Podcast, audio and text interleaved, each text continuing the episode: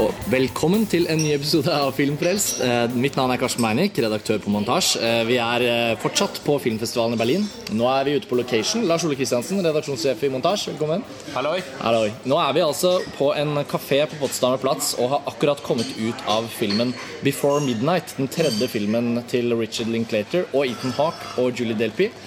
Eh, før soloppgang og før solnedgang er jo de norske titlene. Dette blir jo før midnatt, sannsynligvis. Eh, og vi skal bytte til engelsk fordi vi har med oss to utenlandske gjester. I'm switching to English right now because, as I said in Norwegian, we have two guests on the podcast. This is great. So we came out from the screening and started talking with Andrew Grant, producer.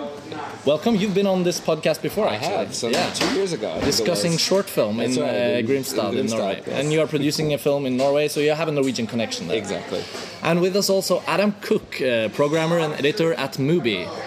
Hello. Hello, you're based in Vancouver. It's very exciting to meet you and fun starting the discussion about this film already. Absolutely. Tell us a little bit uh, about uh, what you do. About what I do? Well, um, I write for The Notebook for Mubi.com, as well as editing content for the website and programming the lineups we have in Canada, Australia, and New Zealand. Great, and as uh, many of our listeners know, uh, also Lars Ole and I, we work also as programmers for Mubi in Norway. So there's a little Mubi meeting as well. But let's get to the film. Uh, we have all seen the two first films in this series of films, and we already know that we have different opinions on it. So maybe we should do a quick round. Like, what's your relationship to the series of films? Your general thoughts before going into this one. Andrew, you can start. Well, uh, you know, I'm I'm about the same age as the characters, maybe a couple years older. And when the first one came out, I, I enjoyed it. I, I thought, you know, I had had a similar experience as had most people who had backpacked through Europe, and I thought it was a kind of cute little charming film. And I was happy when it was over, and I thought that's it. Let's end it there. Yeah. When I heard that they were doing a sequel and that there was a planned trilogy, I thought, no, it's just not necessary. And when the second film came out, um, it was even worse than I imagined. I mean, I felt like what was interesting about the, the, the, the first film was sort of all that magic was gone. I think the, the you know, like I said, anyone who's ever traveled and had an experience like that, you know, met a, met a girl, met a guy, whatever, uh, had that moment. Oh well, let's meet again in some years. It just it doesn't matter whether it happens or it doesn't. And and I think to sort of really sort of literally go in there and say, you know, here's here's here's what happens, and and and he happens to be in Paris, and she comes to his book signing, and then what they what they start talking about is just utter horseshit. It's just you know she has rooms to start talking about her her whole sort of political angle and things like that, and and this sort of it, it all felt very contrived and very and, and I just it, was really embarrassing. I really it, it was a, a really embarrassing film for me. So All right, so I think knowing that there's a lot of people who love these films, it might be also both interesting and provocative. But it's nice because I think also we should probably return to the fact that uh, questions of realism, on what's real and what's actually the stuff that you might experience, and the element of chance and and film as like a fantastical kind of medium. Adam, what's your relation to the first two films? Uh, well, in stark contrast, um, I adore each of the films. Uh, I'm going to come off like I have no critical backbone whatsoever after that. Um, so I apologize. I think actually think that is the consensus though. So Right, I guess, yeah, maybe I Those am. are of the very which critically maybe even makes me look worse, films. I don't know. But um, I, I love all the films, and I love them all for different reasons, and I think it's important maybe to look at them not simply as a linear continuation of each other, but at, there's a more complex dynamic, I think, in how each of these films comment on one another, change each other, and interact. Um, the second one's probably my favorite, maybe the new one. And for me, the contrived dialogue, or the so-called contrived dialogue, uh, to me almost feels like the contrived dialogue of people who like to talk like that. Like it isn't so much in the script writing that there's this, um, you know, this attempt to to write this dialogue like perfect dialogue or uh, that comes off as cheesy or whatever. I think this is how these people talk. I think this is how Richard Linklater talks. I think this is how Ethan Hawke, Julie Delpy, and Richard Linklater sit around a table and talk. And the degree to which their conversations can be criticized for what you're pointing out might not be so much a aspect of the the film so much as this is how these people talk, and I think the the honesty is maybe what stands out the most, But I think- especially in the latest. But what's interesting about the, this, the original film, or, or the fact that these two characters, you've got you've got this cultural thing, you've got this cross-cultural thing. He's American, she's French. One of the things that just always bugged me about it is that Julie Delpy is the probably least French French actress ever. I mean, she has spent a fair amount of her time in America, and and what I felt was also what, what, what lacked entirely throughout all three films, maybe a little bit in the first one, is that that you know when you're in a relationship with someone from from another country, uh, there are those things that get in the way, those kind of kind of cultural differences, whether it's a simple language problem or misunderstandings in communication and and, and, and just sort of Be behaviors. the smallest thing. And that is kind of absent from this. It's like she is just an American girl who just maybe happens to be living in France. And I just find, you know, in the second film that was stripped away even further, and here even more so. I, and and I, I actually think that's fair. I mean, I, I, I think that's true. I think there's an extent to which um, their clash is way more gender based than it is, cu- you know, like a cultural clash. Right. Um, How French is Especially in this film, which is kind of like the battle of the sexes film of the three. But you know, I think it's they're quite explicit in their discussion of, of the, their their like roles, uh, Yeah. gen- gender roles. Yeah, I mean that's a preoccupation of the movie, but I think it's about. This is what I think, anyways. That it's not about the battle of the sexes, but it's about why they're having a conversation about the battle of the sexes. What I mean by that is it's almost like a crux or like a something you fall back on in an argument when you're a man and a woman who are having issues, and really their issues aren't with each other. Their issues are on their own, and it's for me a study of how men and women argue with one another and how they create arguments. And it's not so much a gender battle so much as it is their own personal battles and finding excuses to fight. But they This speak. is, that's most uh, mostly in this third film, right? Yeah, I'm, yeah, speaking, because sorry, yeah, yeah. no, no, I just wanted to clear that up because yeah, we will go into the third film, and I think we're already doing that. Yeah. So let's just keep on doing that. But I'm just gonna give like a general spoiler warning that it'll be interesting for us to discuss a little bit what they talk about and how they move along throughout the film. So if anyone does not want to listen to that, they could they could shut up right now. I don't think there's anything that can be spoiled. No, that, that's fair, but I just want to. I just not want a to. spoilable I want to put it out there. But I find it's really interesting, I- and I agree with you. I I had some issues with this third film's uh, first 20 and 30 minutes, and as they started walking and talking, and I, I agree a lot with what you say that their act, within their actual communication, there's more to be said about them than what they actually talk about, like the way they talk with each other. And I, I find that to be more interesting in the second and third film than in the first film, because the first film is kind of the, the most superficial one, easiest one to like, but still the one I have the least memories of thematically. It's still in some ways the most honest one. Also, it's it's just a puppy love film. It's, it's, a, it's the most romantic. It's the one I like the best of the three films by far. Actually, I think the second film is the, the smarter movie. The, the more like, uh, I, and I do like the concept of the film about them meeting again. And I like it's that it's the, the story unfolds in real time. And I, I, I really liked the film when it was released. Uh, but I felt watching this third film, in some ways, the, the kind of magic of the second film was a little bit destroyed because uh, I don't. I almost feel that this third film should never have been made. But do you mean that as do you mean that as a conflicting film within a film universe or with realism? Sorry, Adam. Well, you said it destroys the third one destroys the magic of the second one. In some ways, I think would argue does. that the second one also destroys the magic of the first Yes, one. yes. I would argue that each film exists to destroy the magic of the one that comes before it. The Like any one- relationship, then. Yeah, perhaps. Yeah, okay. I, I think I think that's overthinking. I, mean, I think that's giving Linklater too much credit. I mean, that, and that's my real problem with the third film is that they're so stripped away. They're just speaking in generalities. They're, they're, half of their dialogue is always about, well, you know why women this and why men that, and and, and, and here we have two people who are in the midst of a marriage crisis. They're, they're you know there there are children involved. There there's future plans at stake. No one who's been in a relationship for that long is going to start taking a step back and talking about, well, women for thousands of years have made. That is just absolute horseshit. But couldn't, it, could- but couldn't it be a sign of them losing the losing the sort of the detailed or, or honest approach to each other and starting you know, losing it by going into caricature? I think there's no substance. I think there's no substance to their characters. I mean, I, I would say to anybody who, who enjoys these three movies, take six hours, go and watch scenes from a marriage, especially regarding this last film. Yeah, you've got two people dissecting each other. All the same issues are being discussed, but within it's subtextually. Because this is a problem with the film, I think. Uh, I hated the first half hour of the film, which I thought was very contrived, and and I thought some of the acting was quite bad. And There's a- and there's a range of supporting characters and that that- th- those discussions around the dinner table, uh, in this, within, within this Greek scenery. It was like some Paulo Coelho shit. I hated that scene. uh, and then it gets a little bit better when there's just Julie Delpy and Ethan Hawke uh, walking around talking, and then they go to this hotel room, and then there's a poor man's version of Scene from a Marriage, or um, Mike very, Nichols, very poor man.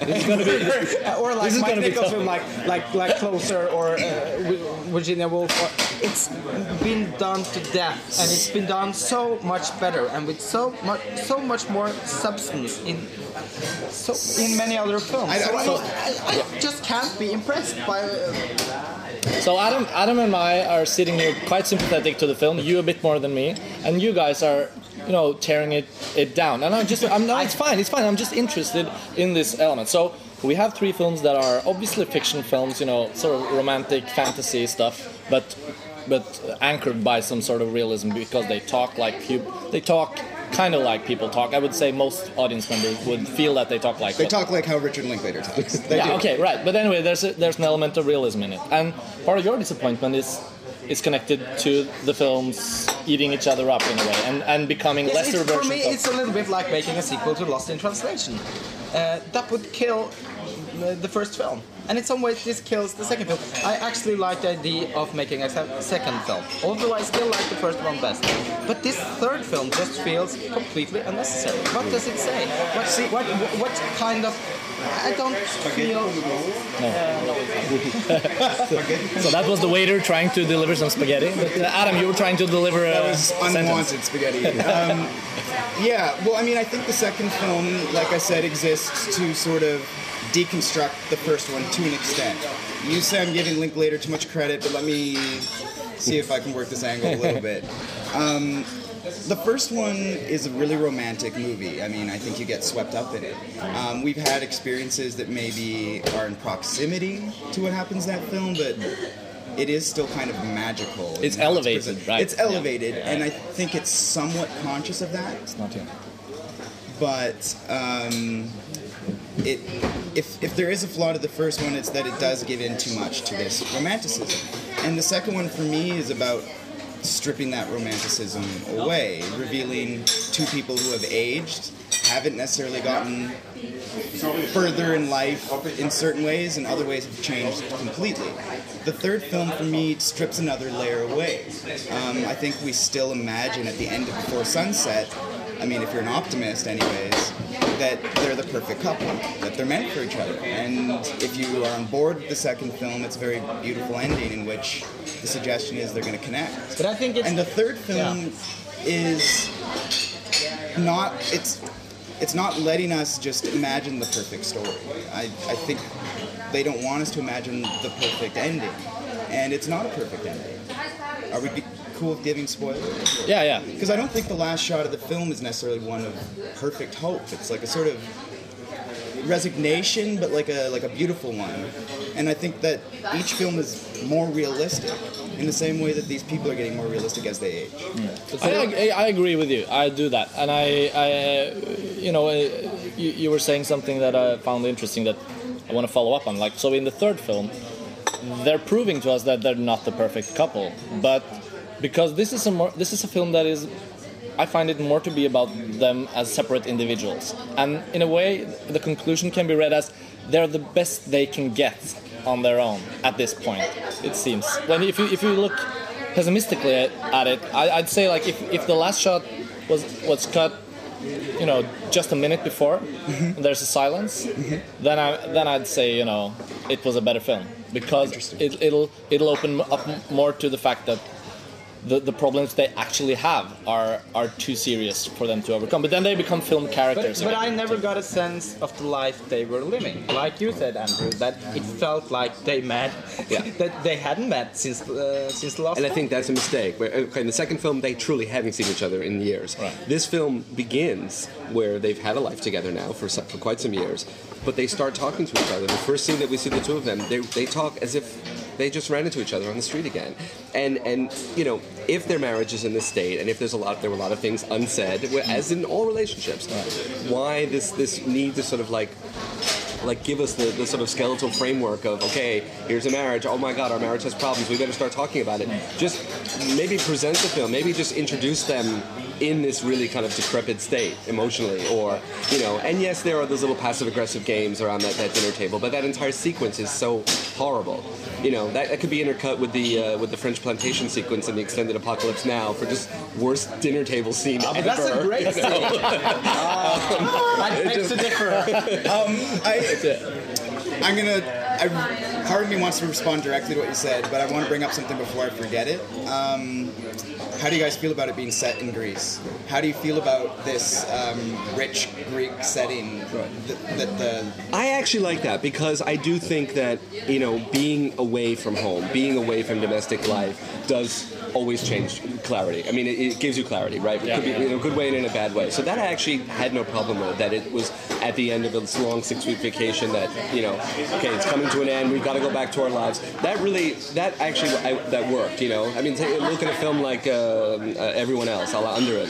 Right? A Yeah, great, yeah. a great example of a relationship. You know, when things come out when you're away from the, the things that you feel safe to. So that I, that I found the, the film's strength. But it also did make the. The scene look a little bit like Mamma Mia by Villa Lodge. So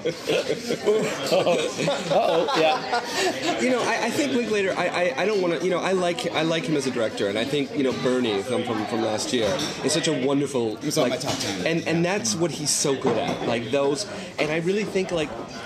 You know, I, I, there was one point in the film I started thinking about. Uh, it's going to come off as really pretentious, but Godard's film One Plus One.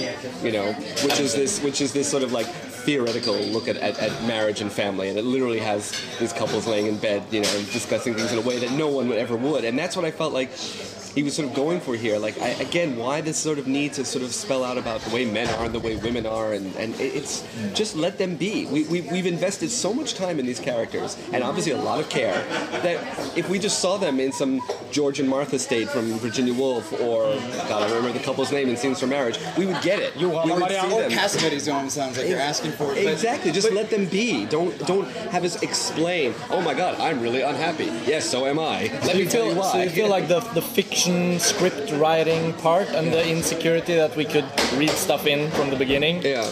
Yeah. I- because I, I- agree that that makes the first part of the film so more weak than it should be. See, I love the opening sequence though, the pre-credit sequence, which which sees just Ethan Hawke and his son, who we hear about in the second film.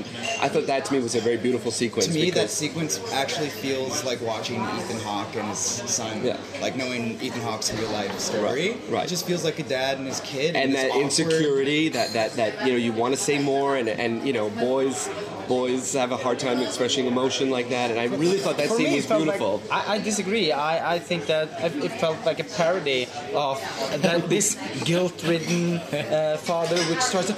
Uh, do you want the chocolate? Uh, or uh, Yeah, and that's- but do you that's have the? Yeah. No, no father. And, would- and, and- well, excuse me, excuse me. I am a guilt-ridden father, so and trust me, it's it's how it goes. It's yeah, but you unfortunate. wouldn't act it out. That's only you too, you're too young to understand. Yes, understand I'm too young to understand, but still, like, I, I thought the acting was awkward and do the you mean editing of the scene, like you complained about as well. Yeah, the editing. I, There was it- one bad cut, but each of the films has had one particular bad cut. I can still think of that cut in Before Sunset where you see a girl in a red dress walking by, and then it cuts to the opposite side, and it takes way too long for her to pass.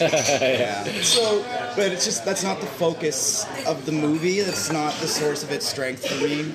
Um, and do you think Ethan Hawke is awkward? Like, uh, I mean, In, I'm- that- in that scene, yeah, but he's not one of my favorite actors. Uh, So because of the, their personas plays very much into this. I mean, we're talking about Linklater, but I'd say Julie Delpy and Ethan Hawke, at least from the second film and forward, Yes. is obviously very much involved in, in, in creating these characters, and I'm sure that as they agree to do another film, Right. I'm sure they're having a talk and saying like, "Are you, you know, where do you want your character to go? This is your, you know." And it's Julie Delpy is not an actress that can do roles like she can do herself, uh, and I so much, I really appreciate her version of herself in these films compared to the version she has instructed herself in Two Days in Paris and Two Days in New York. Uh, even though I kind of like those films, though uh, th- those are so minor uh, compared to this, and I love seeing her bringing so much of that stuff to her character. But I have I think that Today, I Today's have- in Paris is a much better film than this film. in this film. Wow. Yes. Yes. I disagree. Do, do you think this film is better? Than Two Days in Paris. That's, Yes. It's Yes, fine. even It's would- smart. Yeah, my gut, my, saying yes, my, Yeah, but- but my still- gut reaction is yes, but I, I, I, I don't want to shit on Two Days in Paris. I like that film. Yeah, But- I remember you liking it when it was released. Yeah, yeah, let's not so talk about Two I'm really Anywhere surprised really now by hearing you say that. But, but imagine this film by Woody Allen, like the, the conversations about life. Before midnight.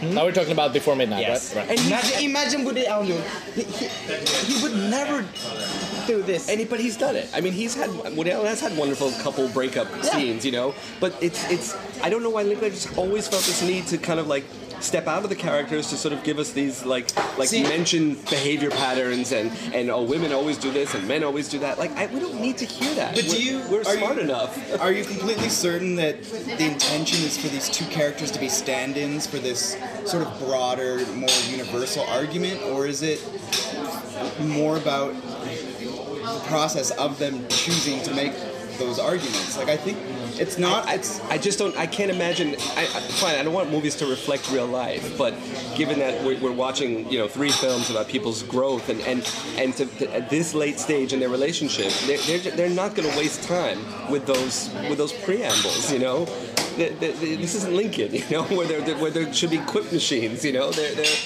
they're human beings and they're, and they're going through a really rough time and and when they when they when they would get down and talk about that okay but it was all the other stuff that I but aren't like- they using the other stuff as a shield or something else to keep from getting to the real stuff? Like, isn't that how people act? I, I think so, but then but then there are more clever ways about it. Yes, They're- they're- and I feel my. I agree with you, I, I think that my basic problem is that I don't feel encouraged to read the Before trilogy with like intellectual glasses because it does. I, uh, it doesn't uh, need that for me. That's why I think the first film is still the best because it's a simple film. It's, it's a romantic film. Uh, I think. Uh, at least in that trilogy, Linklater is better at that than doing this smart analysis of, of gender roles and, and marriage. Then I would love to see some other filmmakers do that much better than like like Francois Ozon in Five Times Two. Or, Exactly. Yeah, and that's what maybe why I think that Two Days in Paris is also a much better film because it's to me it feels much less pretentious. They actually, oh no, it's not as good as Woody Allen, but at least it's good time at the movies. I get- actually don't feel that this is such a good time uh, at the movies. I think it's in some ways a little bit embarrassing. To clarify, to just to clarify that, I- I'd like to. Yeah, you're. That felt good, didn't it? Yeah, I felt. And even in English, it feels, Yeah. it feels even better in Yeah, English. because I. better than Two Days in Paris. No, but seriously, I want to say that uh, I I enjoyed Two Days in Paris a lot. You know, separated from this discussion, I would still say that. But that's I more of a you that's were more yeah yeah to me back in that's the days. yeah yeah. But that's more of a farce, right? I don't read the story in Two Days in Paris by Julie Delpy as something I can actually relate to. Like it's I'm observing these farcical moments that are kind of cleverly done, and I like the family family dynamics. What I've felt since the first film of the Before trilogy is that there's actually stuff going on between these people that I do read myself into, and that's probably also where disappointment comes from when when you when you know we don't know when we discuss the failures within Before Midnight. It's also because we want the film to keep keep being real in a way, not becoming a farce and or becoming uh, you know a Paulo Paulo Coelho novel. So I still think this third film is is is uh, is, is is flawed, but it's good. And what's good about it is something I appreciate much more than what's great about the farce in Two Days in Paris. So that's my explanation, yeah, right? okay. It's And a it genre question. Yeah, no, it's fine. Yeah. But um, I didn't there must be raised. It must be raised that there's a question of the continuation of this story. So if they I don't. Who said it? The, if there's more films, they should start with after, right? Who said that? Someone said that yesterday. Oh, I don't know. So the next fourth film would be called After Greece, or after, you know. After, would men- you? after menopause. This, this I- is I- like, I- maybe the last film would be would be like Linklater's answer to Michael Haneke's Amour. Yeah. Because if this so is the like time travel continues back to the, they're 98. You guys just keep bringing up my favorite directors: Woody Allen, Michael Haneke, Ingmar Bergman. But that's a different conversation. Yeah, it's a different conversation. But, uh, but- you know, but- to sum stuff up here, are we? You mentioned um, Michael Apted's Up series. Yeah.